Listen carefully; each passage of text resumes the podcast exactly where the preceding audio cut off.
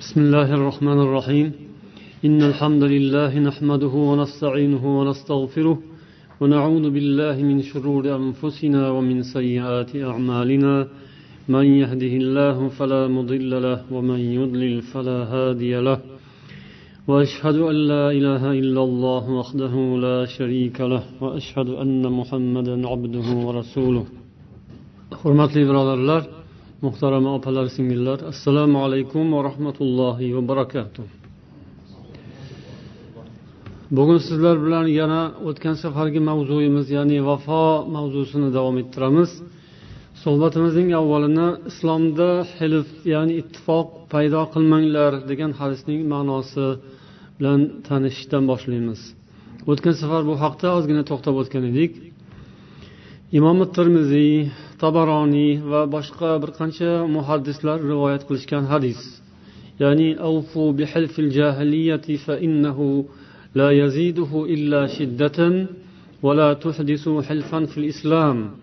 Jahiliyat paytidagi ittifoqlar kelishuvlarga vafo qilingiz. Chunki islom faqat buni kuchaytiradi ta'kidlaydi.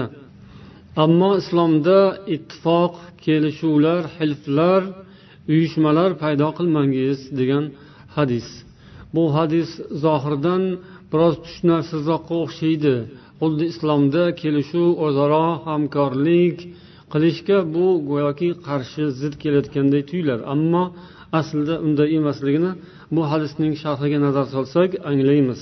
Bu hadisni ya'ni imom termiziy rivoyatlarida kelgan hadisning sharhida tuhfatul ahvaziy kitobida yozadilarki الذي ليس بمخالف للإسلام ya'ni johiliyat paytidagi kelishuvlarga rioya qilingiz vafo qilingiz degan ko'rsatmalarining ma'nosi islomga xilof kelmaydigan kelishuvlar bo'lsa unga vafo qiling va unga qattiq rioya qiling قال القاري فإن الإسلام أقوى من الحلف islomda xilflar uyushmalar ittifoqlar paydo qilmangiz deganning ma'nosi alil qori aytadilarki islom bu har qanday ittifoqdan ko'ra kuchliroqdir.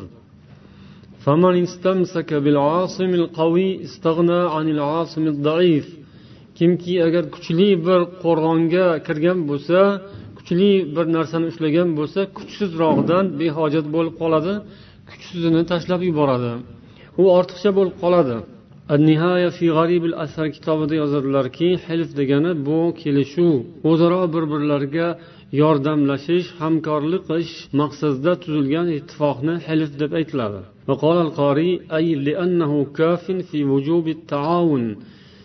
Islom o'zaro hamkorlik qilishda kifoya qiladi ya'ni hamkorlikning vojib ekanida islom kifoya qiladi.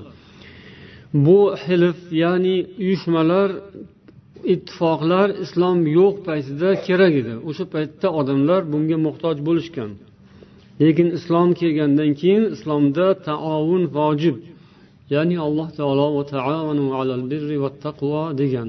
Ya'ni yaxshilik va taqvo ustida hamkorlik qilingiz degan bu farz vojib. Shuning o'zi kifoya qiladi. Islomga kirgan odam albatta qayerda yaxshi ish bo'lsa xayrli ish qilinayotgan bo'lsa o'shanga hamkorlik qilishga intiladi o'zi kelib qo'shiladi shu bilan birga bo'lishga harakat qiladi.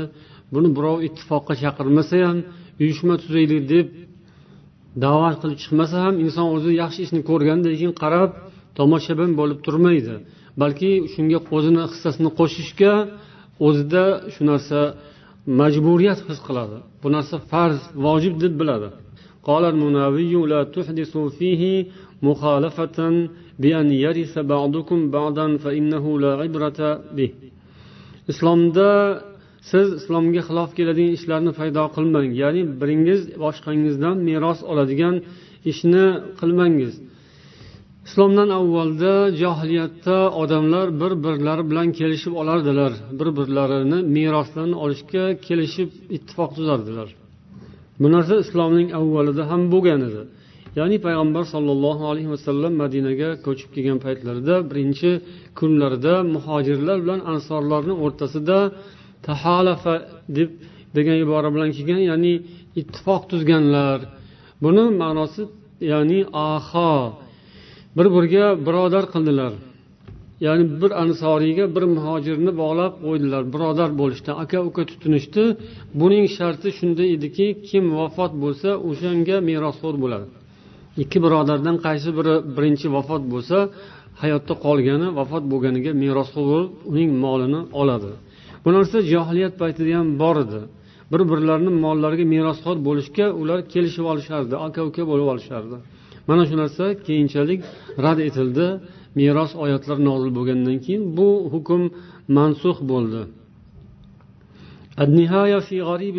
kitobida yoziladiki la hilfa fil islom islomda hilf ya'ni ittifoq tuzish yo'q degani فما كان منه في الجاهلية على الفتن والقتال جاهلية paytida yana fitnalar urushlar o'zaro adovat tarafkashlik asosida ham ular ittifoq tuzib olishardi. Ya'ni qabilalar u yoqqa bu yoqqa bo'linib birlashib olishardi. Bir beshta qabila bu yoqda birlashib qolgan qabilalarga qarshi. Ulardan ham yana to'rtta beshtasi birlashib o'zlaridan boshqasiga qarshi ittifoq tuzishardi. Mana bu narsalar islomda qoralanadi.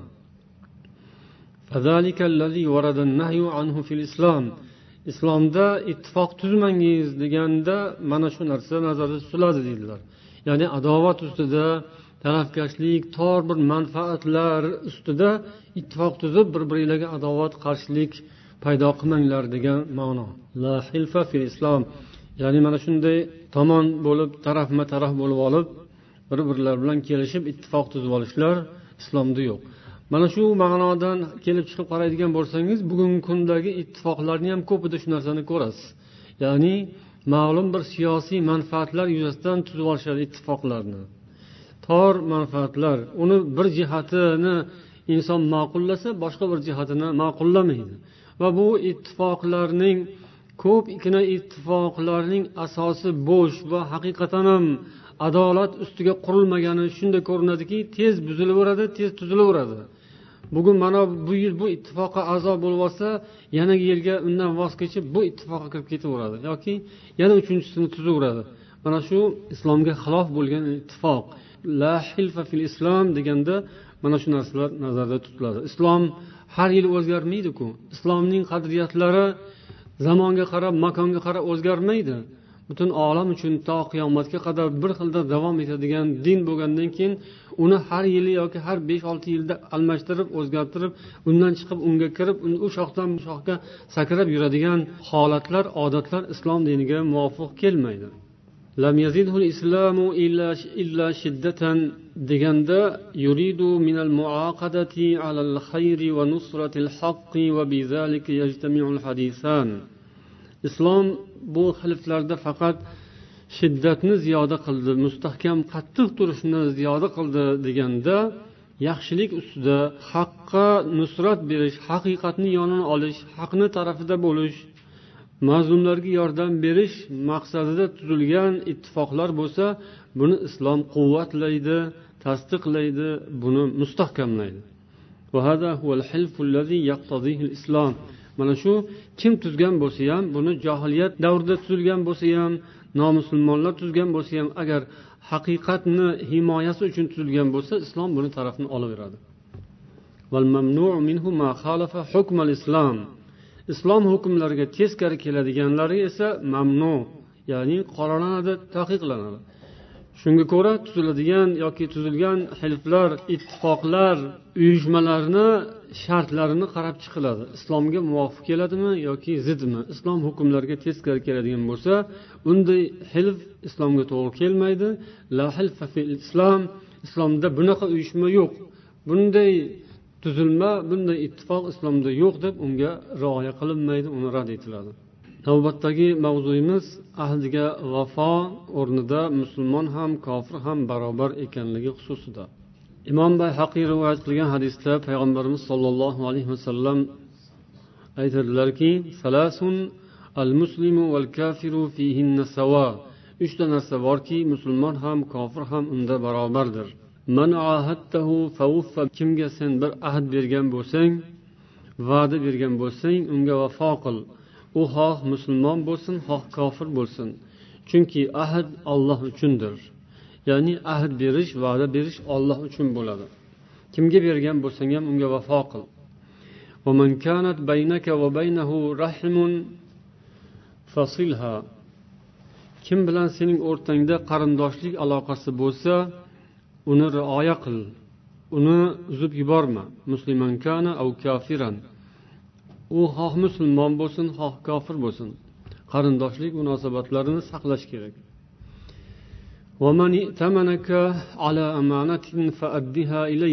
Kim senga bir omonat qo'ygan bo'lsa uni egasiga eson omon topshir. Musliman kana au kafiran. Xoh u musulmon xoh u kofir bo'lsin.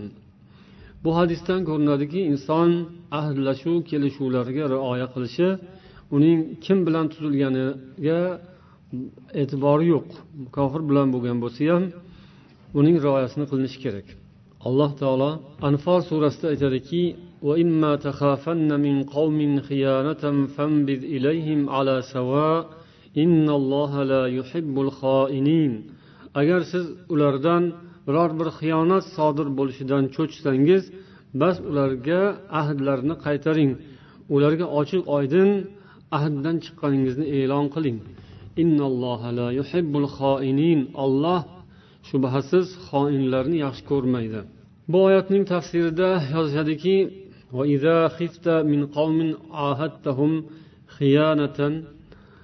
asad havmatning tafsirida yozadilarki agar siz bir qavm bilan kofir qavm bilan kelishuv ittifoq tuzgan bo'lsangizu ularni xiyonat qilishidan cho'chisangiz ya'ni shunday bir alomatlar sezilsa ular hm, xiyonat qilmoqchi ular ahdini buzmoqchi.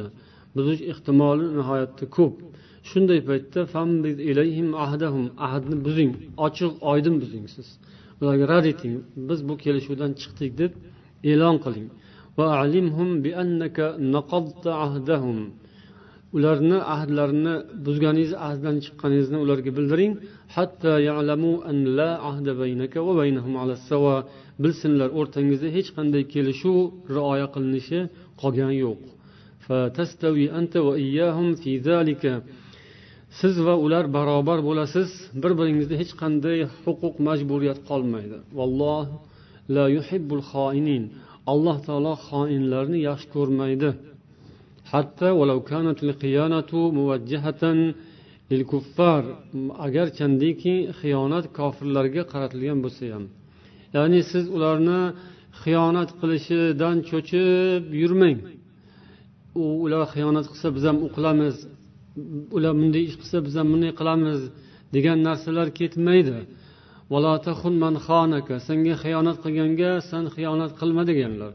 Xiyonatga xiyonat bilan javob berilmaydi. Bu islomda mumkin emas. Ular bunday qildiku o'zidan ko'rsin. Biz ham bunaqa qilamiz unday emas. Siz ochiq oydin biz bo'ldi ahddan chiqdik deb ayting. Olloh xoinlarni yaxshi ko'rmaydi. Bu yerda olloh xoinlarni yaxshi ko'rmaydi deganda musulmonlarga tanbeh ogohlik berilyapti. Ya'ni musulmonlar kofirlarga nisbatan ham agar xiyonat qiladigan bo'lsa buni olloh yoqtirmaydi bu narsa allohga maqbul emas ibn kasir yozadilar ay hatta walau fi haqqil kafirin la yuhibbuha aydan agar bu kofirlarning haqqida bo'lsa ham alloh taolo uni yaxshi ko'rmaydi السعدي يظلر ودل مفهومها أيضا إنه أنه إذا لم يخف منهم خيانة bu oyatning mafhumi shunga dalolat qiladiki ya'ni ma'nosidan shunday xulosa chiqariladiki agar kofirlar bilan bo'lgan mushriklar bilan bo'lgan ittifoqlarda xiyonat bo'lish xavfi sezilmasa ularga ahdlarni buzish joiz bo'lmaydi. Ular bilan bo'lgan ahdni buzish joiz bo'lmaydi. Bal ila an buning muddati to nihoyasiga yetguncha vafo qilish vojib bo'ladi. Shungacha sabr qilib turish kerak. Ya'ni ulardan hech bir xato bo'layotgani yo'q. Kamchilik e, nuqson ya'ni xavotirli kamchilik. Kamchilik oddiy kamchiliklar hamma joyda bo'ladiku endi. Ammo bir jiddiy zarar bo'lishi ehtimoli bo'layotgan biron bir yomonlik alomatlari ko'rinayotgani yo'q. Xotirjam bo'lsangiz bo'ladi. Bunday paytda u uni bahona qilib inson o'zi tomonidan ham bahona qilishi mumkinku. O'ziga yoqmay qolib ham ya bo'ldi bu bizga to'g'ri kelmay qoldi deb buzib yuborish holatlari musulmonlarni o'rtasida ham bo'ladiku. O'shanday narsani kofirlarga nisbatan qilmang deydi alloh taolo. Bu oyatning ma'nosidan shunday xulosa chiqadi deydilar. As sadiy endi musulmonlar o'rtasida bo'ladigan kelishuvlarda ham shunday. Bir narsaga kelishiladi yoki ko'pchilik o'tirganda bir narsaga hammani fikr bir joyga jam bo'ladi. Ha shuni qilamiz deyiladi. Keyin oradan vaqt o'tgandan keyin o'zgarib ketadi. Birov u tomonga birov bu tomonga qarab ketib qoladi yoki olgan majburiyatlarini bajarishmaydi bergan va'dalarni ustida turishmaydi yoki kelishuvlar shunchaki bir holat bilan ham o'zi kelishuvlar tuzilgan bo'ladi. Har bitta odam bittadan va'da berib chiqqan bo'lmasa ham bir majlisda ko'pchilik o'tirib bir narsaga kelishgan bo'lsa shu ham va'daga o'tadi shu ham kelishuvga o'tadi. Shunday qilamizmi? Ha qilamiz. Shu ish to'g'rimi? Ha to'g'ri. O'sha paytda hech kim noto'g'ri yo bu ishni qilmaylik deb aytmadi. Yoki degan bo'lsa ham muhokamalardan so'ng ko'pchilik shu narsani ma'qulladi bir qarorga kelishdi. Shu bilan o'sha ishni bajarish vojib bo'ladi. Farzga aylanadi. Musulmonlar ichida ham kofirlar bilan bo'lsa ham. Uni bajarish kerak. Musulmonlar bo'lsa musulmonlar o'zaro shu narsani to'g'ri deb topishgan bo'lsa u bilavlo yana ham ta'kidlanadi. Uni oxirigacha yetkazish kerak. Unga nima qilish kerak? O'tgan safar gaplashdik. Uning uchun sabr qilish kerak. Ya'ni vafo deganda sabr bor. Vafo kelishuvlarga sabr qilish berilgan va'dani bajarishga sabr qilish. Chunki u yerda qiyinlik bo'ladi. Shunday qiyinlik bo'lmasa kelishuv bo'lmasdi o'zi. Kelishuv nima uchun? Yig'ilib maslahat qilib o'tirib bir joyda muhokama qilishga nima zarurat bor. Unday qilmasdan qilaversa bo'lmasmidi? O'shanday qilmasdan qilaversa bo'lmasdi. Shuning uchun odamlar yig'iladi bir joyda o'tiradi maslahat qiladi. Chunki o'sha maslahatlashishga muhtojlik joyi bo'ladi. Odamlarni o'rtasida pishirishga muhtojlik joyi bo'ladi. Shuning uchun bunday ishlarda o'tirib odamlar kelishuv tuzishadi. Uni shunchaki bajarib qilib ketaverish oson bo'lmaganligidan demak o'sha narsaga kelishgandan keyin uni bajarish albatta qiyin bo'ladi. Albatta unda mashaqqat bo'ladi. Qaysidir bir jihati kimgadir yoqmaydi og'ir kelib qoladi. Unga sabr qilish kerak bo'ladi. Yana mana shunday mushriklar bilan kofirlar bilan bo'lgan kelishuvlarning rioyasi musulmonlar tomonidan qanday darajada amalga oshganligi borasida misollar hadislar rivoyatlarga nazar solamiz كان بين معاوية وبين الروم عهد muoviya roziyallohu anhu bilan rumliklar o'rtasida ahd kelishuv bo'lgan edi u kishi rumlar tomoniga rumliklar tomoniga qarab yurmoqchi bo'ldilar hatto ya'ni ahd kelishuv tugallanishi bilan tugashi bilan ularga hujum qilish uchun Shunga tayyorgarlik ko'rib o'sha tomonga qarab yurish boshlashga harakat qildi.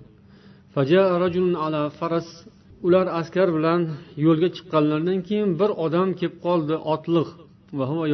Allohu akbar allohu akbar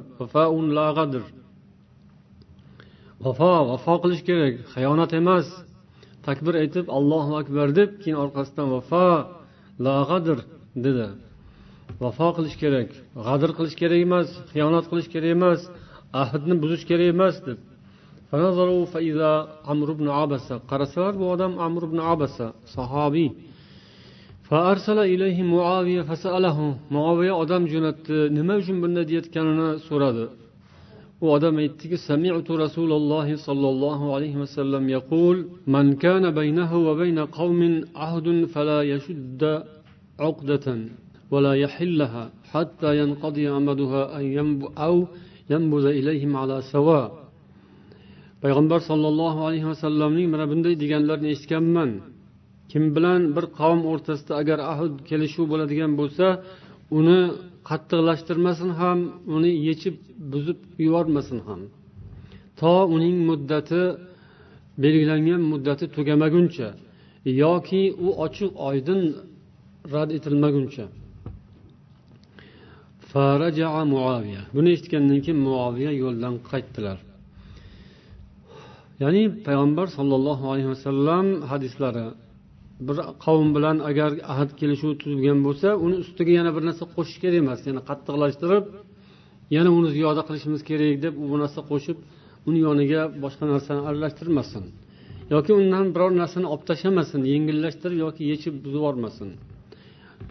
Oxiriga yetkazsin.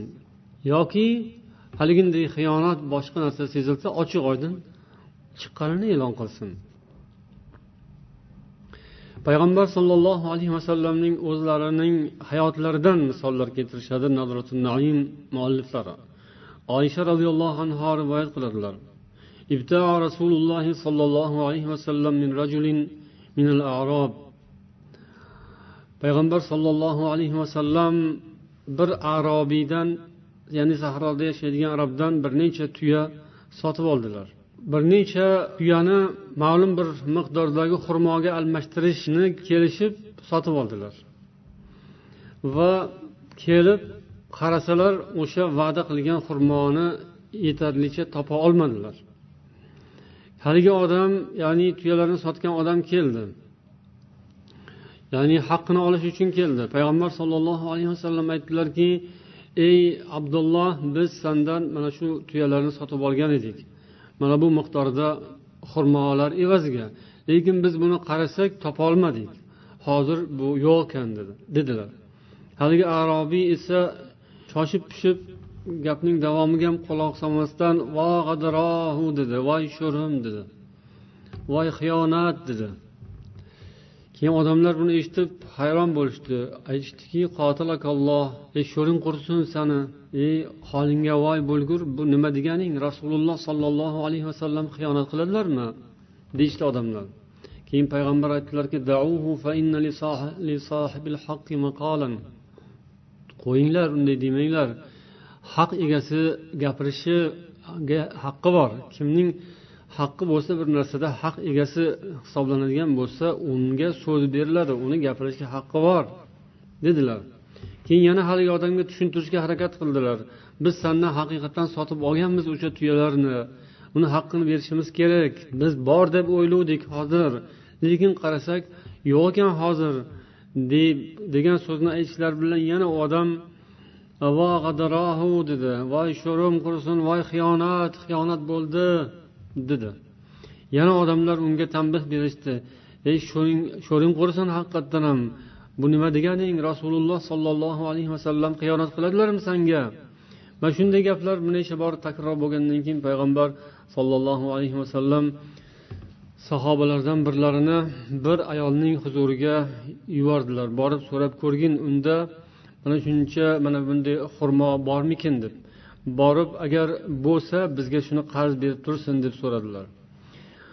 Haligi sahobiy borib rasululloh sollallohu alayhi vasallam so'ragan narsalarni topib keldi. Shundan keyin payg'ambar alayhissalom haligi insonga haqqini berishga buyurdilar. Uning haqqini chiroyli qilib to'la to'kis qilib ado qilishdi. Shundan keyin rasululloh sollallohu alayhi vasallam oldilariga kelib haligi odam aytdiki jazokallohu xayran faqat va atyabta olloh senga yaxshi mukofot bersin. Sen mani haqqimni chiroyli ado etding to'la to'kis qilib berding to'lg'azib ko'ngillaginday qilib ado qilding deb haligi odam xursandligini roziligini bildirib keyin ketdi. Endi ya'ni sahroiy arablar deganda tarbiya ta'lim tarbiya olmagan odobni bilmaydigan muomalani uncha bilmaydigan katta bilan qanday muomala qilish kerak? Rasululloh bilan qanday muomala qilish kerak? Bunday narsalardan ancha bebahra qolgan odamlar. Rasululloh sollallohu alayhi vasallam ularni ham tushunganlar. Ularni ham zajr qilmaganlar. Lekin u kishining atrofidagi sahobalar albatta rasulullohga bo'lgan hurmatlari muhabbatlari tufayli rasulullohga bo'ladigan bunday beodobliklarga ular qarab indamasdan jim turishmagan tanbehlarni berishgan. Rasululloh shunda dedilarki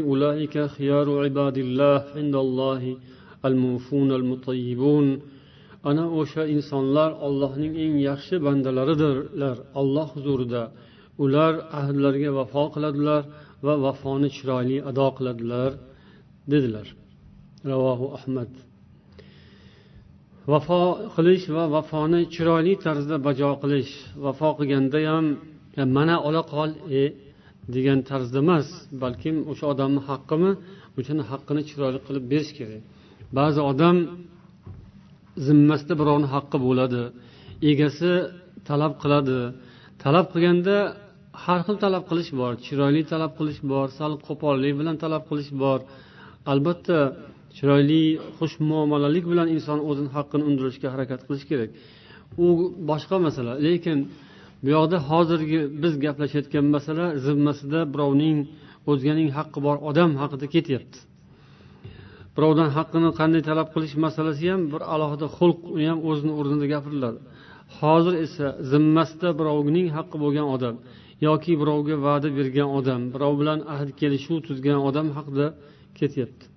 Bu insonlarni alloh taolo agar o'zlarining zimmalaridagi vojibotlarini chiroyli ado qilsalar ularni rasululloh maqtayaptilar olloh huzurida al munfun al mutayyibun xiyaru ibadillah allohning yaxshi bandalari deb maqtalyaptilar ba'zi odamlar yuqorida eslatganimizdek o'zining zimmasidagi haqni berishda berishda ham qizg'anchiqlik qiladi. Xuddi o'zini yonidan berayotgandek o'zini vaqtida ado qilmaydi.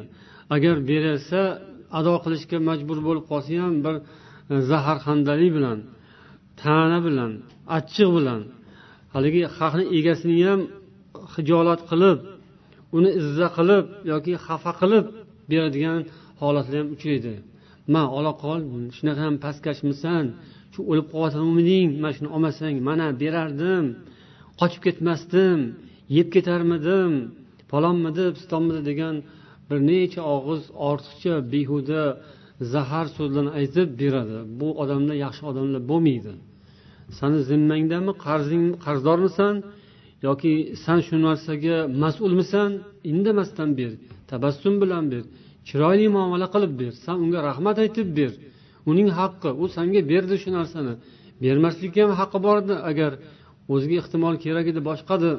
Agar birov bir insondan narsa so'rasa bermasa unga ham bir narsa deb bo'lmaydi uni ham yerga urib bo'lmaydi kamsitib bo'lmaydi xohlasa beradi xohlamasa bermasligi mumkin u beribdi shu narsani sizga yordam qilibdi endi sizdan lozim faqat tashakkur o'z vaqtida ado qilish tashakkur aytish unga shirin so'z ochiq chehra yaxshi muomala bilan javob qilish undan ortiqchasi ortiqcha undan boshqasi ortiqcha faqat yaxshilik xolos عن رافع رضي الله عنه قال بعثتني قريش إلى رسول الله صلى الله عليه وسلم. قريش من رسول الله صلى الله عليه وسلم elchi qilib yubordi deydilar rofi abu rofi roziyallohu anhu.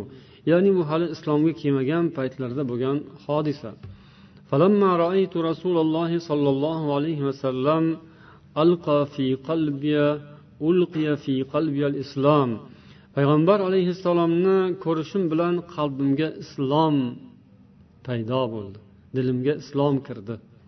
Faqultu ya rasululloh inni vallohi la arjiu ilayhim abadan. Ya rasululloh allohga qasamki man endi ularning oldiga abadul abad qaytib bormayman dedi. Man ahdga xiyonat qilmayman va elchilarni hibs qilmayman. lekin sen hozir qaytib ket agar o'shanda ham qaytib borganingdan keyin ham sening qalbingda hozirgi narsani topsang mavjud bo'lsa keyin qaytib kel dedilar قال فذهبت ثم أتيت النبي صلى الله عليه وسلم فأسلمت رواه أبو داود keyin qaytib ketdim Va qaytib yana rasululloh sollallohu alayhi vasallam huzurlariga keldim va musulmon bo'ldim deb hikoya qiladilar abu rofiya demak dushman tomonidan ularga nisbatan dushmanga elchi keldi. Ikkovlar bir biriga dushmanlik holatida. Bu yoqning elchisi dushman tomonga borib ularga go'yoki o'tib ketdi.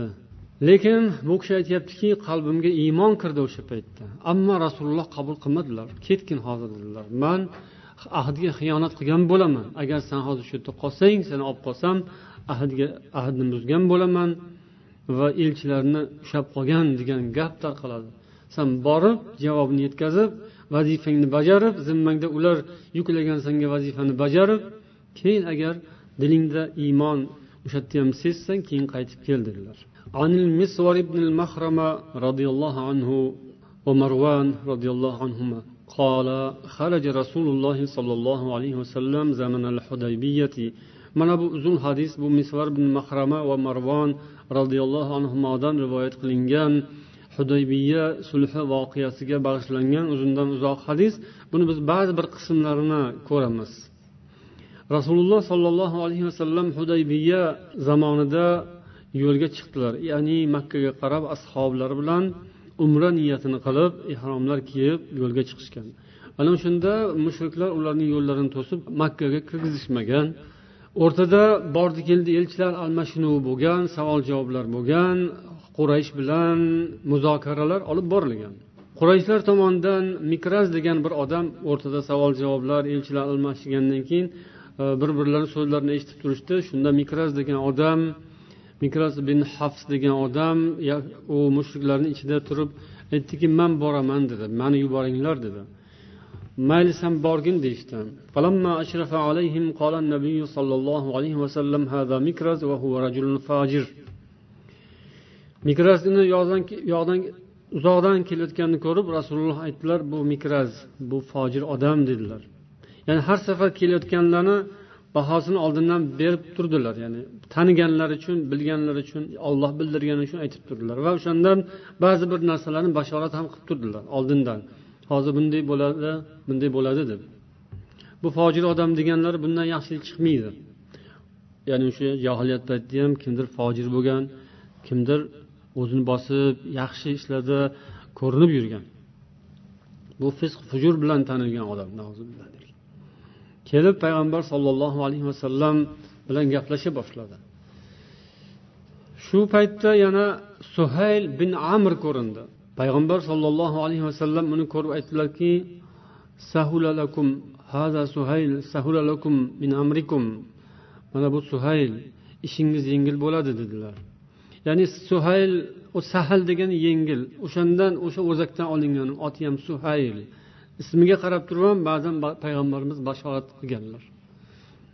Bu odamning ismi suhayl ishingiz yengil bo'ladi xudo xohlasa dedilar. Keyin u odam kelib gaplasha boshladi payg'ambar sollallohu alayhi vasallam bilan. Keyin so'z orasida suhayl aytdiki bo'lmasa qani o'rtamizda bir shartnoma yozamiz. Ya'ni kelishuvni qog'ozga tushiraylik bir qog'oz qalam hozir qil dedi. Keyin payg'ambar sollallohu alayhi vasallam yozadigan kotib chaqirdilar. Payg'ambar alayhissalom aytdilar bismillahi rohmanir rohim deb yoz suhayl aytdiki san aytayotgan rahmon nimani tanimayman? Nima ekan u? Ya'ni ollohni hammalari bilishardi rahmon sifatini tan olmadi. Valakin uktub bismikallohumma bismikallohumma deb yoz dedi bismillahi rohmanir rohim deb yozish rad etdi. Payg'ambar sollallohu alayhi vasallamdan avval musulmonlar aytishdiki yo'q biz bismillahi rohmanir rohim deb yozamiz. Undan boshqa narsa yozmaymiz deyishdi. Payg'ambar alayhissalom uktub bismikallohumma dedilar. Bismikallohimma deb yoz dedilar. Bir rivoyatda ali edilar kotib. Keyin shunday deb yozdirdilar. Shundan keyin payg'ambar alayhissalom alayhi muhammadun rasululloh deb yoz mana bu muhammad allohning elchisi bilan tuzilayotgan shartnoma deb yoz deganlarida suhayl aytdiki agar seni biz rasululloh deb tan olganimizda seni yo'lingni to'smasdik bunday holat bo'lmasdi hozir san muhammad ibn abdulloh deb yoz dedi keyin payg'ambar alayhissalom ho'p والله إني لرسول الله وإن كذبتموني اكتب محمد بن عبد الله allohga qasamki sizlar agar meni yolg'onchiga chiqarsangizlar ham men ollohning rasuliman. Mayli muhammad ibn abdulloh deb yoz dedilar. Shunday deb yozildi. Keyin ular shart qo'yishdi. Ala an tuhallu baynana va baynal payg'ambar sollallohu alayhi vasallam aytdilarki biz bilan kabani orasini ochib qo'yasizlar biz tavof qilamiz. Suhayl aytdiki bu yil emas agar biz bugun shunday qiladigan bo'lsak biz arablardan atrofdagi arablardan malomatga qolamiz. Bular majburlikdan qo'rqqanidan yo'lni ochib berdi deydi. Bu yil qaytib ketasizlar yanagi yilga kelasizlar shunday deb yoz dedi mayli deb payg'ambar alayhissalom bunga ko'ndilar. Yana suhayl aytdiki vaala annahu la yatika minna rajulun va in kana ala dinika illa ilayna. Agar bizdan sening huzuringga sening diningga kirib bironta odam qaytib bizdan keladigan bo'lsa senga qo'shiladigan bo'lsa uni bizga qaytarib yuborasan. Shunday deb yoz musulmonlar aytishdiki subhanalloh qanday qilib mushriklarga musulmon bo'lib kelganni biz mushriklarga qaytaramizmi? deyishdi. Payg'ambar sollallohu alayhi vasallam mana shu shartni qabul qilib turgan paytlarida hali yozilmasdan turib abu jandal bin suhayl kirib keldi. Qo'llarida kishanlari oyoqlarida kishanlari bilan. Bu ana shu suhaylning o'g'li edi. Hozir mushriklar tomonidan qurayishlar tomonidan vakil bo'lib musulmonlar bilan shartnoma imzolashga kelgan suhaylning o'g'li musulmon bo'lgan edi. Uni otasi bog'lab qamab qo'ygan edi kishanlab qo'ygan edi. U bir amallab qochib otasi qamab qo'ygan joydan zindonband qilib qo'ygan joydan qochib musulmonlarning oldiga keldi. Bu payg'ambar sollallohu alayhi vasallam bilan ashoblari kelishayotganini eshitgan va kelib o'zini musulmonlarni ichiga urdi. Shunda suhayl aytdiki hada ya muhammad avvalu man uqadika alayhi an taruddahu ilayya. Ey muhammad mana bu hozir sen bilan tuzgan shartnomamizning eng birinchi bo'lib amalga boshlaydigan nuqtasi mana shu bo'ladi. Hozir mana shuni qaytarasan menga dedi. Payg'ambar alayhissalom aytdilarki biz hali yozganimiz yo'q bu kelishuvimizni. Hali u kitob bo'lib e, ya'ni yozuvga tushgani yo'q dedilar. Suhayl aytdiki allohga qasamki agar unday bo'ladigan bo'lsa abadul abad sen bilan hech narsa bilan kelishmayman hech narsada kelishmayman. Bo'ldi yani tamom deydiyu ish bit tamom bo'ldi. Hech narsa gaplashmaymiz bu yog'iga. Dedi. Rasululloh aytdilarki hech bo'lmasa buni buni qo'yib yuborgin buni kiritmaylik bundan keyingisini qilamiz bo'lmasam. Yozamiz va buni hisob qilmaymiz. Chunki hali yozilmadi endi yozamiz bunisi o'tsin. Yo'q dedi. Bo'ldi ish tamom san bilan hech narsaga kelishmaymiz. Keyin rasululloh aytdilarki bo'pti bo'lmasam mayli biz rozimiz bunga ham dedilar. Uni olib olib ketishdi. Qola mikras bala qad ajaznahu laka qola abu jandal ya ma'sharal muslimin uraddu mushrikina va qad ji'tu musliman.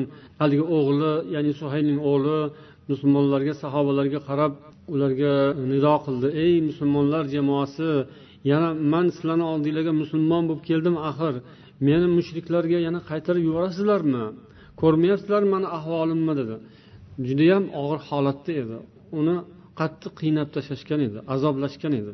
Bu orada yana bir qancha so'zlar bo'lgan masalan hazrat umar bu holatni ko'rib bunga sabr qilmasdan e'tirozlar bildirganlar rasulullohni oldilariga kelib mm, abu bakrni oldilariga kelib bu nima degan gap? Bu qanday holat? Biza musulmon biza haq emasmizmi? Bular botil yo'lda emasmi? Nima uchun biz buni qaytarib topshirishimiz kerak? Va hokazo bir qancha so'zlar bo'lib o'tgan lekin rasululloh sollallohu alayhi vasallam man ollohning rasuliman ollohning amriga isyon qilmayman.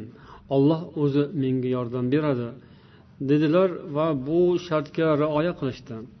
Payg'ambar sollallohu alayhi vasallam keyin madinaga qaytib kelganlaridan so'ng bir odam keldi yana ya'ni abu basir degan odam qurayshlardan u ham musulmon bo'lgan holatda keldi. Uning keyinidan mushriklar yana ikkita odamni jo'natdilar ya'ni buni qaytarib topshirish uchun.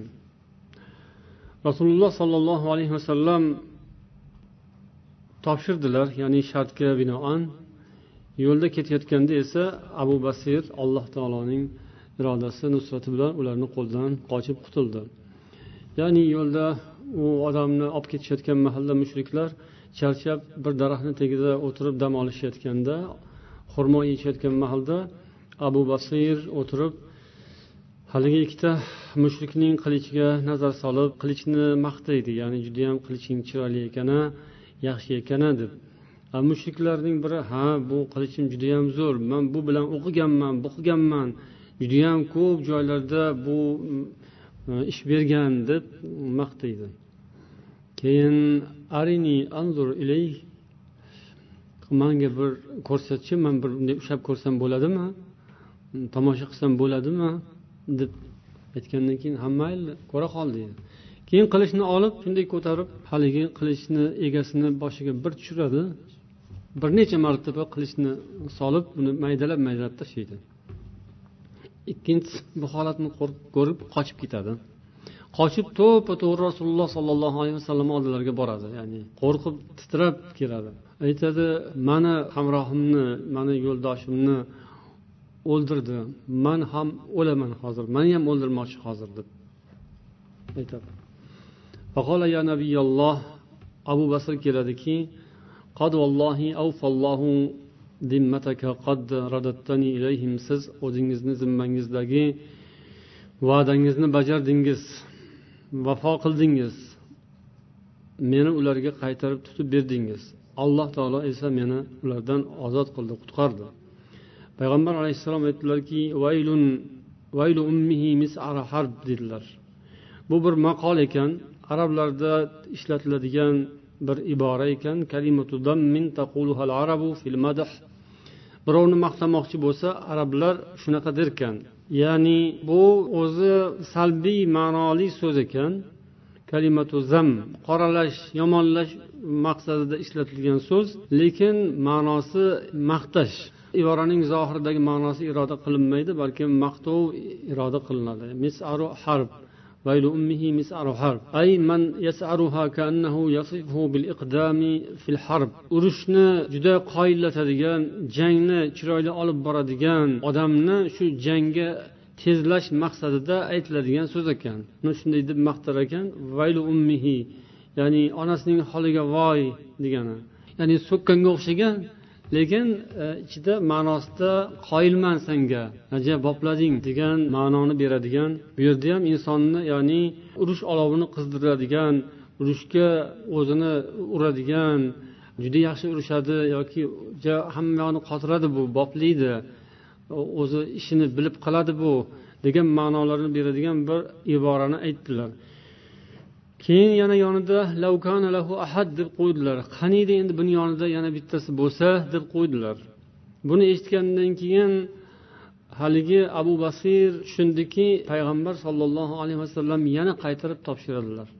Yana agar mushriklar hozir odam jo'natsa yana qaytib topshirib yuborar ekanlar degan ma'noni tushundida shu bilan tez rasululloh sollallohu alayhi vasallamni huzurlaridan chiqib ketdi. Boshqa gapni boshqa ishni kutib o'tirmadi. Kutib o'tirganda yana ko'ngilsiz ish bo'lishi aniq edi va shu bilan borib dengiz tomonga qarab ketdi va o'sha dengiz sohilida joylashib oldi. Shundan keyin abu jandal bin suhayl ham bir amallab qochdi yana. Ya'ni anavi birinchi bo'lib olib ketilgan odam hudaybiya sulhi tuzilgan mahalda o'g'lini olib ketgan edi suhayl. O'sha ham o'sha yigit ham yana qochib u ham eshitdi bo'lgan voqealarni va borib abu basrni yonidan joy oldi. Ular ikkovlari birlashib o'sha dengizni yoqasidan makon tutib o'sha yerda hayot kechira boshlashdi. O'zlarini biroz tutib olishgandan keyin sal yo'l to'sarlikka o'tishdi yo'lga chiqadigan bo'lishdi. Arablarning qurayshlarning karvoni shomga tijorat bilan o'sha yerdan o'tardi. Ular o'sha o'tadigan tijoratchilarni savdogarlarni yo'lini to'sishga o'rganishdi. Qarab ya'ni kuchlariga qarab ozroqmi ko'proqmi boshqa. Xullas shunday qilib ular o'sha yerda o'zlarini nomlarini chiqarishdi.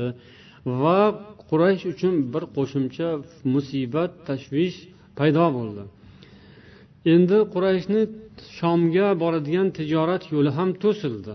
Ular bu narsadan tashvish qilib xavotirlanib nima qilishni bilmasdan oxiri rasululloh sollallohu alayhi vasallamga yana odam jo'natishdi iltimoslar qilishdi va o'sha bandni olib tashlashni ular so'rashdi. Ya'ni endi agar makkadan kim musulmon bo'lib keladigan bo'lsa bo'ldi o'zingga qo'shib olaver deyishdi. Shu narsaga kelishishdi. Rasululloh sollallohu alayhi vasallamning o'sha so'zlari ya'ni men ollohning amridaman ollohga osiy bo'lmayman olloh menga albatta yordam beradi nusrat beradi degan edilar. Ya'ni vafo qilaverdilar ular. Kelishuvga vafo qildilar. Sabr qildilar. Orada mana qancha musulmonlar azob chekdi aziyat chekdi qiynoqlar ostida qoldi. Inson zohiriy ko'zi bilan qaraganda shunday qiyinchilik mashaqqat bu aqlga to'g'ri kelmaydigan ish odamning qisqa aqliga mos kelmaydi bu narsa. Vafo ana shunday hikmatli narsaki insonning nafsiga yoqmaydi zohiriy aqli bilan o'shlab o'lchab qaraganda u narsa noto'g'riga o'xshab ko'rinadi lekin unga kim amal qiladi? Mo'min odam amal qiladi iymonli odam amal qiladi. Allohga ishonadigan odamgina bu vafoning tagida hikmati bor.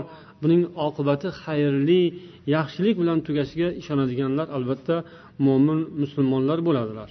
endi suhbatimizning davomida payg'ambar sollallohu alayhi vasallamning ta'limlarini olgan sahobalardan tortib ulamolar va boshqa donishmandlarning vafo haqida aytgan so'zlari bilan davom ettiramiz naim mavsuasida shoirlardan va donishmandlardan bir qancha chiroyli rivoyatlarni keltirganlar قيل إذا أردت أن تعرف وفاء الرجل ودوام عهده فانظر donishmandlar aytishganki agar sen bir insonning vafosini bilmoqchi bo'lsang va o'sha ahdida qanchalik davom etib turishini ko'rmoqchi bo'lsang fanzur ila haninihi ila avtonihi uni o'zining vataniga bo'lgan muhabbatiga nazar sol.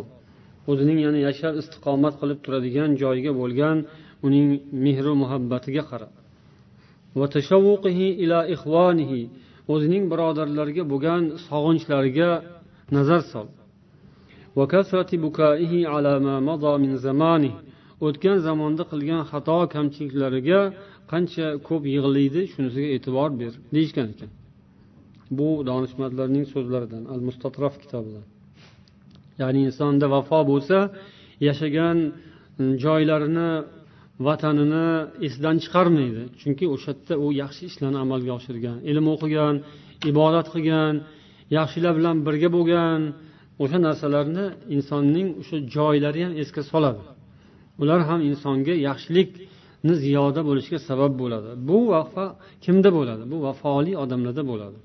O'tgan bosib o'tgan yo'llarini joylarini eslash va shunga nisbatan o'zining mehr muhabbatini saqlash. Birodarlarga bo'lgan sog'inchlari yaxshi birodarlar bilan yaxshi ishlarni amalga oshirgan va o'tgan ishdagi qilgan xatolari. وقال آخر shoirlardan biri aytadi وميعاد الكريم عليه دين فلا تزد الكريم على السلام يذكره سلامك ما عليه ويغنيك السلام عن الكلام karim ya'ni oliyjanob insonning va'dasi uning zimmasida qarzdir unga salomdan boshqa narsani ziyoda qilma saloming uning zimmasidagi narsalarni eslatadi Saloming boshqa kalomdan kifoya qiladi. Nima degani? Karim odam oliyjanob odam bir so'zni aytgan bo'lsa u qarz bo'ladi unga. U o'ziga shuni qarz deb biladi. Astag'firulloh pastkash odam bo'lsa unga hech narsa emas. Lekin insonning o'zining darajasi bor o'zining huzurida va olloh huzurida. Olloh huzurida karim odam ya'ni oliyjanob odam bo'lsa u o'zidan og'zidan chiqqan so'zni o'ziga qarz qilib oladi. Qarzdek bo'ladi. Shuning uchun san unga ortiqcha gap gapirmagin deyaptilar shoir. San unga faqat salom ber. Assalomu alaykum deb qo'y yetadi shuni o'zi kifoya qiladi. O'sha salomingdan ortiq narsani gapirma unga saloming har qanday kalomning o'rnini bosadi. Ya'ni bir yengil bir atrofidan o'tib ketsangiz bo'ldi uni ta'na u boshqa ortiqcha gap so'z qilmay turing. karim odam o'zi oliyjanob odam biladi إذا قلت في شيء نعم فأتمه فإن نعم دين على الحر واجب وإلا فقل لا تسترح وترح, وترح بها لئلا يقول الناس إنك كاذب agar sen biror ishda xo'p desang ha desang bas uni nihoyasiga yetkaz chunki naam ya'ni ha deyish bu ozod hur odam uchun qarzdir. Va illo agar aksincha bo'lsa yo'q degin va o'zing ham bemalol rohat qil va boshqani ham bemalol holiga qo'y toki odamlar seni yolg'onchi demasinlar ya'ni bir ishga ha deb qo'ydingizmi ho'p qilaman dedingizmi bo'ldi endi qiling uni. Chunki siz ozod erkinmisiz yo qulmisiz? Qul har narsaga qul nafsiga qul bandaga qul va hokazo qul qul qullar ko'p billah qullikdan olloh asrasin. Ozodmisiz? Nafsizga qulmasmisiz? Bandaga ham qulmasmisiz? Ollohga qulmisiz? Ho'p dedingizmi? Bo'ldi. Endi bajaring agar birovning quli bo'lsa xo'jayindan so'ramasdan bir qadam bosa olmaydi bir ish qila olmaydi. Qulni va'dasi u va'da emas. Siz ozodmisiz? Hurmisiz? Hur deb bo'lib naam ho'p ha dedingizmi? Endi qiling marhamat. Hurning va'dasi qarzdir. Vojib. Agar unday bo'lmasa yo'q deb ayting. Boshidan va o'zingizni ham rohatda saqlang azobga qo'ymang. Va o'zini ham boshqani ham azoblamang. Vafo haqidagi qissalardan birida shunday hikoya qilinadi. Ya'ni nadratul naim mualliflar yozishadiki ahadga vafo qilish zimmasidagi narsalarni bajo qilishda juda ajoyib hikoyalar g'aroyib hodisalar rivoyat qilingan. Inson qulog'i rohat qiladi va qalbi taskin topadi. Buning misoli toi sharikning misolidir. Toi bilan sharik degan ikki insonning voqeasi. Ular nadimay nu'man bin munzir nu'man bin munzir degan bir podshohning atrofida sodir bo'lgan. Uning qisqacha ma'nosi shundan iboratki deyishadi mualliflar nu'man ibn munzir degan bir podshoh bo'lgan edi qadim zamonda. U o'ziga o'zi ikki narsani va'da qilib o'zicha qoida qilib qonun qilib olgan edi. Bir kun yavmi bo's bir kun yavmi naim. Bir kun baxtsizlik kuni bir kun baxt kuni. Bir kuni hasrat nadomat kuni bir kuni saxovatu ne'mat kuni. Deb o'ziga shunday qonun qilib olgan. Kimki ne'mat kunida baxt kunida saodat kunida unga yo'liqsa unga yaxshilik qiladi. Uni boy badavlat qilib uni baxtiyor qilib yuboradi. Ya'ni o'sha kunida kimga unga yo'liqqan bo'lsa unga juda yaxshiliklarni oshirib toshirib boshidan mm, ne'matlarni yog'dirib yuboradi quyib yuboradi.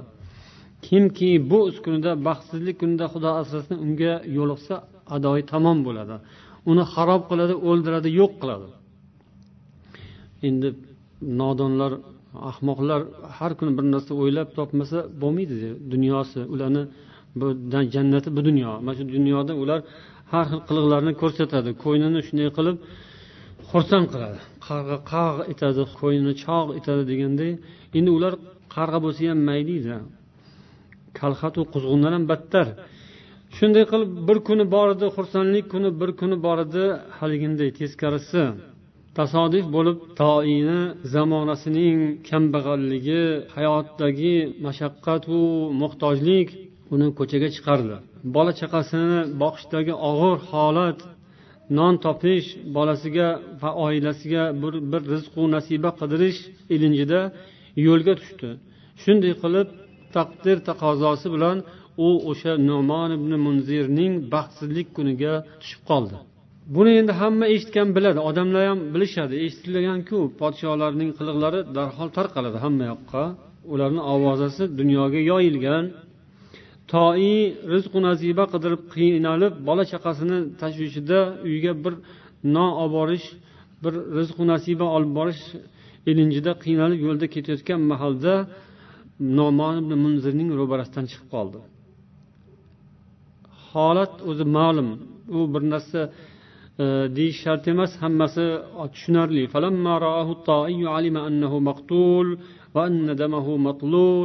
Tamom endi bildiki u o'ladi. Qoni to'kiladi. Hamma yoqqa qoni oqadi. Malik darhol so'zini boshladi. Hayyallohul malik olloh podshohning umrlarini uzoq qilsin omon bo'lsinlar hamma yaxshiliklar sizga bo'lsin. Podshohim mani uyimda go'daklarim qolgan oilam och ahvoli judayam og'ir nima qilishni bilmasdan bir luqma non topish uchun ko'chaga chiqqanman. Bu baxtsizlik taqdirimdagi yozilgan bu xorlik bu xunuk kun nima qilayin endi qandoq ham qilayin nima qilsam bo'ladi bilmayman. Endi sizdan bir so'raydigan so'rorim bor so'raydigan bir sizdan iltijoyim bor. Agar siz yo'q demasangiz manga mana shu kunimga ruxsat bersangiz bugun bir narsa hosil qilsamu shuni oilamga yetkazsam bola chaqamga yetkazsam va bugun bugun kech qolmasdan sizning huzuringizga qaytib kelsam. Bugun man shu shom qorong'usi hali kun botmasdan turib kechqurun bo'lmasdan turib sizning huzuringizga kelib keyin omonatimni topshirsam keyin siz mani nima qilsangiz qilsangiz o'ldirsangiz o'ldirasiz nima desangiz shu bo'ladi dedi. Keyin podshoh qarab turdida uning holatini ko'rib ichidan sal shunga achinish hissi o'tganday bo'ldi. Nomon buning so'zini ko'rib gap so'zlarini joyida chiqayotganini ko'rib va uning holatini ham anglab haqiqatan ham bu inson yordamga muhtoj ekanligini tushunib yetgandan keyin ko'nglidan ozgina shafqat o'tdi. Lekin darhol endi podshoda har nima qilsa? Darhol xo'p degilari kelmadida ozgina o'sha yana podshohligini yana o'zining kimligini ko'rsatib qo'yishni istadi. Aytdiki ichida endi ruxsat berib yubormoqchi bo'lib turibdi. Lekin tilida aytdiki yo'q man senga ruxsat bermayman. Chunki man bilmaymanku endi san borib shundan qaytib kelmasligi mumkin. Kim ham keladi o'limga o'zi boshini tikib kallasini egib? San kelmasdan qochib yuborishing mumkin. O'rningga senga kafil bo'ladigan bir odamni qo'yib ketsang ketding. Bo'lmasam senga ruxsat bermayman dedi agar sen vaqtida kelsang odam o'rningga odam qo'yib ketib joyingga kelsang o'sha aytgan vaqtingda kelsang xayr. Agar kelmasang o'sha odamni o'ldiraman. O'shanday odamni topib o'rniga qo'yib ketmasang ishonmayman dedi. Endi unday odamni qayerdan topadi? O'sha paytda sahroda hech kim yo'q. Podshohning yonida bir xizmatkori xodimi bor edi. Adi ibn shurahbil degan. Bu nomon ibn munzirning yonida yuradigan vaziriga o'xshagan yaqin kishisi edi. Boshqa iloji yo'qku endi. O'shanga qarab keyin iltijo qilib murojaat qildi. Unga qarab she'r o'qidi. Ey adi ibn sharik o'limdan ham ko'ra ortiqroq biron bir yengilish bormi? Och nahor bolalar yeydigan bir taomlar yo'q biron bir luqma yo'q. Ular ochlik va sog'inch o'rtasida kambag'allik va mashaqqat orasida qiynalib otalarini kutib o'tiribdilar. Ey saxovatli birodarim sen o'zing yaxshi oliyjanob insonsan yana bir oliyjanoblik qilgin ey no'monning sohibi ey podshohning sohibi o'zing kafolating bilan menga bir saxovat qilgin.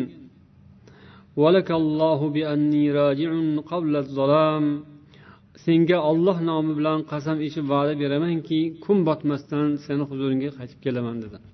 Podshohning vaziri podshohni maqtab aytdiki alayya zamanuhu buni man kafilimga olaman buni o'rniga man turib beraman dedi. Bunga ruxsat bering uyiga borib kelsin dedi. Ya'ni uning iltijolarini so'zlarini eshitib vazirni ham qalbiga rahm kirdi yumshoqlik kirdi. Podshoh aytdiki qaragin nima deyapsan? Agar bu vaqtida kelmaydigan bo'lsa kun botishdan avval kelmaydigan bo'lsa sani o'ldiraman. Bu hazil emas. Keyin u podshohning vaziri aytdiki man shunga va'da beraman turib beraman. Agar bu odam kelmaydigan bo'lsa vaqtida va'da qilingan paytda kelmaydigan bo'lsa man tayyorman har narsaga tayyorman dedi. Shundan keyin podshoh u toyiga ruxsat berdi. U jo'nab ketdi. Keyin bular vaqtni kutishdi. Kelavermadi kelavermadi. Kech kirib qoldi.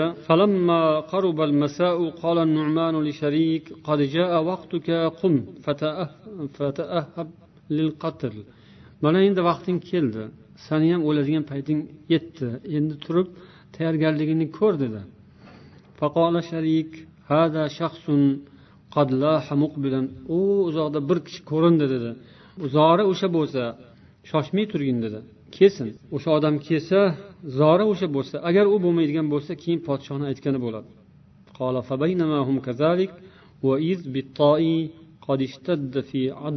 qarab kutib turishdi bir mahal qarasalar o'sha toi shoshganicha terlab pishganicha halloslaganicha yugurib kelayotgan ekan hatto vasal فقال خشيت أن ينقضي النهار قبل وصولي kelgunimcha kun botib qoladimi deb rosayam qo'rqdim judayam shoshildim zo'rg'atdan kelyapman dedi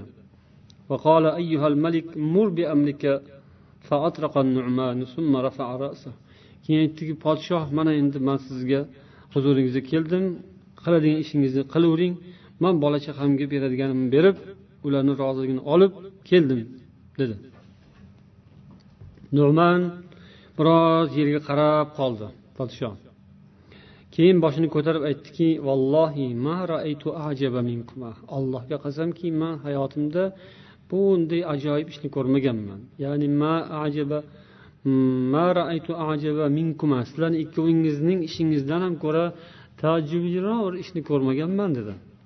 Amma anta ya toi فما تركت لأحد في الوفاء مقاما يقوم فيه ey toi senga aytadigan bo'lsam sen vafo bobida bironta odamga endi o'rin qoldirmading seni o'rningni bosadigan seni o'rningni egallaydigan vafo borasida hech kim yo'q endi bironta kishiga san o'rin qoldirmading hech kim endi vafo borasida faxrlanib aytsa bo'ladigan gap ham qolmadi وأما أنت يا شريك فما تركت لكريم سماحة يذكر بها في الكرماء sen esa ey sharik oliyjanoblik borasida biron bir insonga sen ham oliyjanob saxovat borasida maqtanishga o'rin qoldirmading endi hech kim sendan o'tib bunday saxovat borasida so'z aytishga o'rin yo'q Endi man bo'lsam uchta odamning eng pastkashi bo'layinmi yo'q man uchta odamning eng pastkashi bo'lishga rozi bo'lmayman dedi.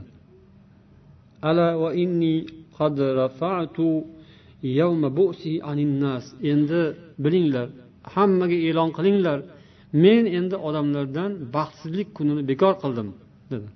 Nafaqat haligining e, qonidan o'tdi balki odamlar ustiga farz qilgan o'zining nafsi shaytonining vasvasasi bilan shu to'qlikka sho'xligi bilan nima qilsa ko'ngil ocharlik nima qilsa shu ko'ngilni xursand qilish qanday qilsa dunyoni qiziqroq qilish astag'firulloh bunday bachkanalik bunday haddidan oshish bunday bir tug'yonga ketish bunday narsasidan odam tavba qildi. Ya'ni men ham endi bunday ishlarni butunlay bekor qildim. Nafaqat anuning hayotini saqlab qolish balki butunlay oldin qilib yurgan xunuk narsalardan u odam ham qaytdi. Shunga nima sabab bo'ldi? Shunga vafo sabab bo'ldi. Bir insonning o'zini so'zidan qaytmagani hatto o'lim ustiga qarab ketayotgan bo'lsa ham halokat u bilan yuzma yuz turgan bo'lsa ham lekin bergan va'dasining ustidan chiqishga bo'lgan uning harisligi shu narsaga bo'lgan harakati sabab bo'ldi. Nu'man unga aytdi sen shu bergan va'dangga vafo qilishingga sabab bo'lgan narsa nima? O'zingni joning ketayotgan holatda bu. Faqola dini dinim deb aytdi. Kimning vafosi bo'lmasa uning dini ham yo'q. No'mon unga ko'p yaxshiliklarni qildi ko'p molu davlat berib izzatu ikrom bilan o'zining oilasiga yetkazib qo'ydi. Suhbatimizning nihoyasida favoidul vafo ya'ni mualliflar odatlariga ko'ra har bir mavzuning so'ngida shuning xulosasini yoki foydalarini berishadi. Birinchisi man avfa bi ahdillahi min tavhidihi kimki agar allohga bergan ahdi vafosi ahdiga vafo qilsa ya'ni allohni tavhidini mustahkam ushlasa allohga ibodat qilish ixlosli bilan bo'ladigan bo'lsa alloh ham unga bergan va'dasiga vafo qiladi. Ya'ni uni yaxshi ishlarga muvaffaq qilib qo'yadi. O'sha odamni chiroyli ibodat qiladigan qilib qo'yadi. Allohga bergan va'dasiga inson vafo qilishga o'zi harakat qilsin. Ikkinchisi hum ulul albab. Allohga bergan ahdlarga vafo qiladiganlar ular aql egalaridir. Ulul albab deb olloh qur'onda maqtagan ular o'zlarining nafslarini jonlarini va mollarini allohga sotishgan. Allohga berishgan uning evaziga jannatni olish uchun. Bu saman pul. Jannatning puli demak insonning joni va mol dunyosi rostlik bilan vafodorlik bilan olloh yo'liga taqdim qilsa alloh taolo ularga jannat beradi. Ular aql egalari bo'ladilar. Uchinchisi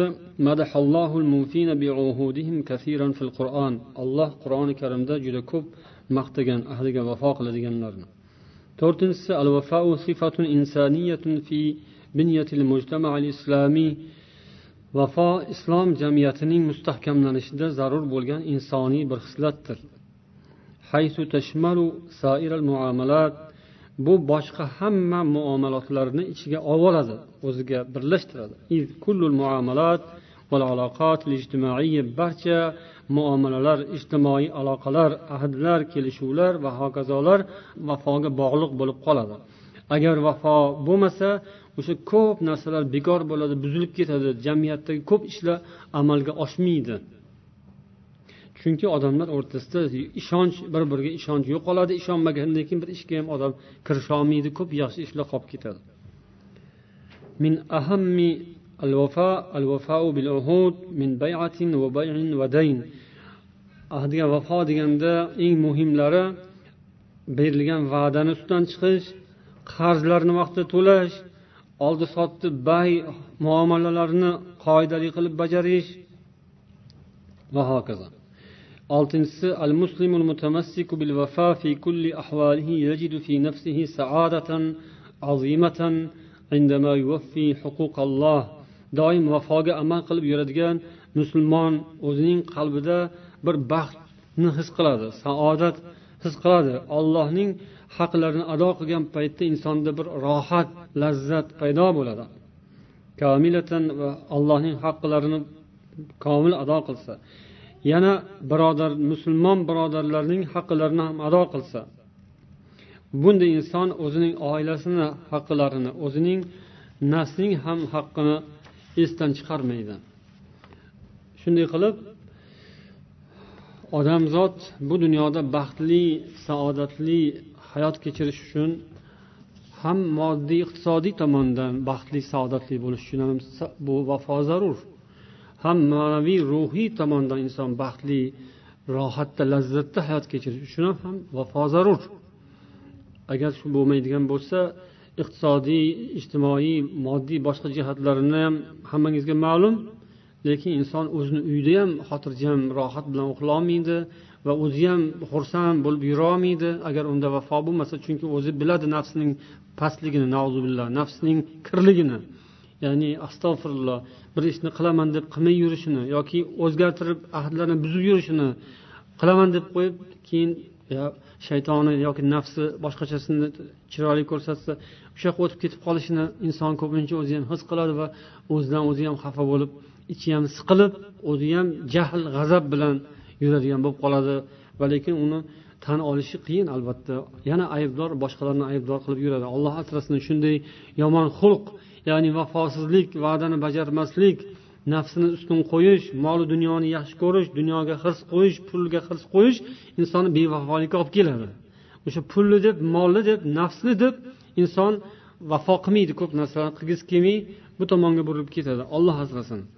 Barchamizga alloh mana shu vafo hislatini komil ato aylasin. Bu dunyomiz ham oxiratimiz ham ilohim obod bo'lsin. Subhanakallohumma va bihamdik. أشهد أن لا إله إلا أنت أستغفرك وأتوب إليك. السلام عليكم ورحمة الله وبركاته.